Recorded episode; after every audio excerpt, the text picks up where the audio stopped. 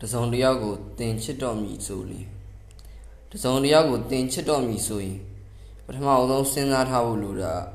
တင်းဝိညာဉ်ကိုဘယ်အတိုင်းအတာထိခွဲဝေပေးနိုင်တယ်လဲဆိုတာပါပဲအဲ့ဒီချက်ကိုသိရှိပြီးရင်နောက်ထပ်တင်နားလည်ထားရမှာက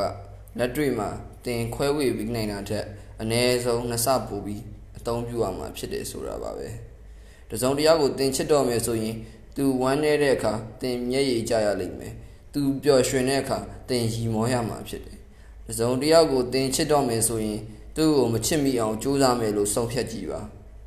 ယနေ့ခေတ်မှာမချစ်မိအောင်ကြိုးစားရင်တန်ရောစဉ်ဖြစ်သွားကြသူတွေဟာကမ္ဘာလူဦးရေရဲ့ထက်ဝက်ကျော်လာပြီဖြစ်ပါတယ်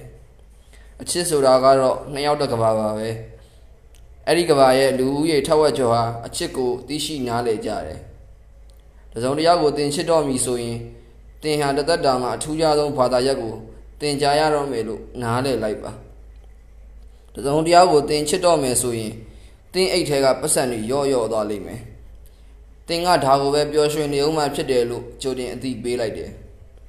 တစုံတစ်ယောက်ကိုတင်ချစ်တော့မယ်ဆိုရင် နေမင်းကြီးထွက်ပေါ်လာပုံကိုပိုပြီးအတိတ်ပဲကြွယ်ဝစွာပင် နားလည်မိမှာဖြစ်တယ်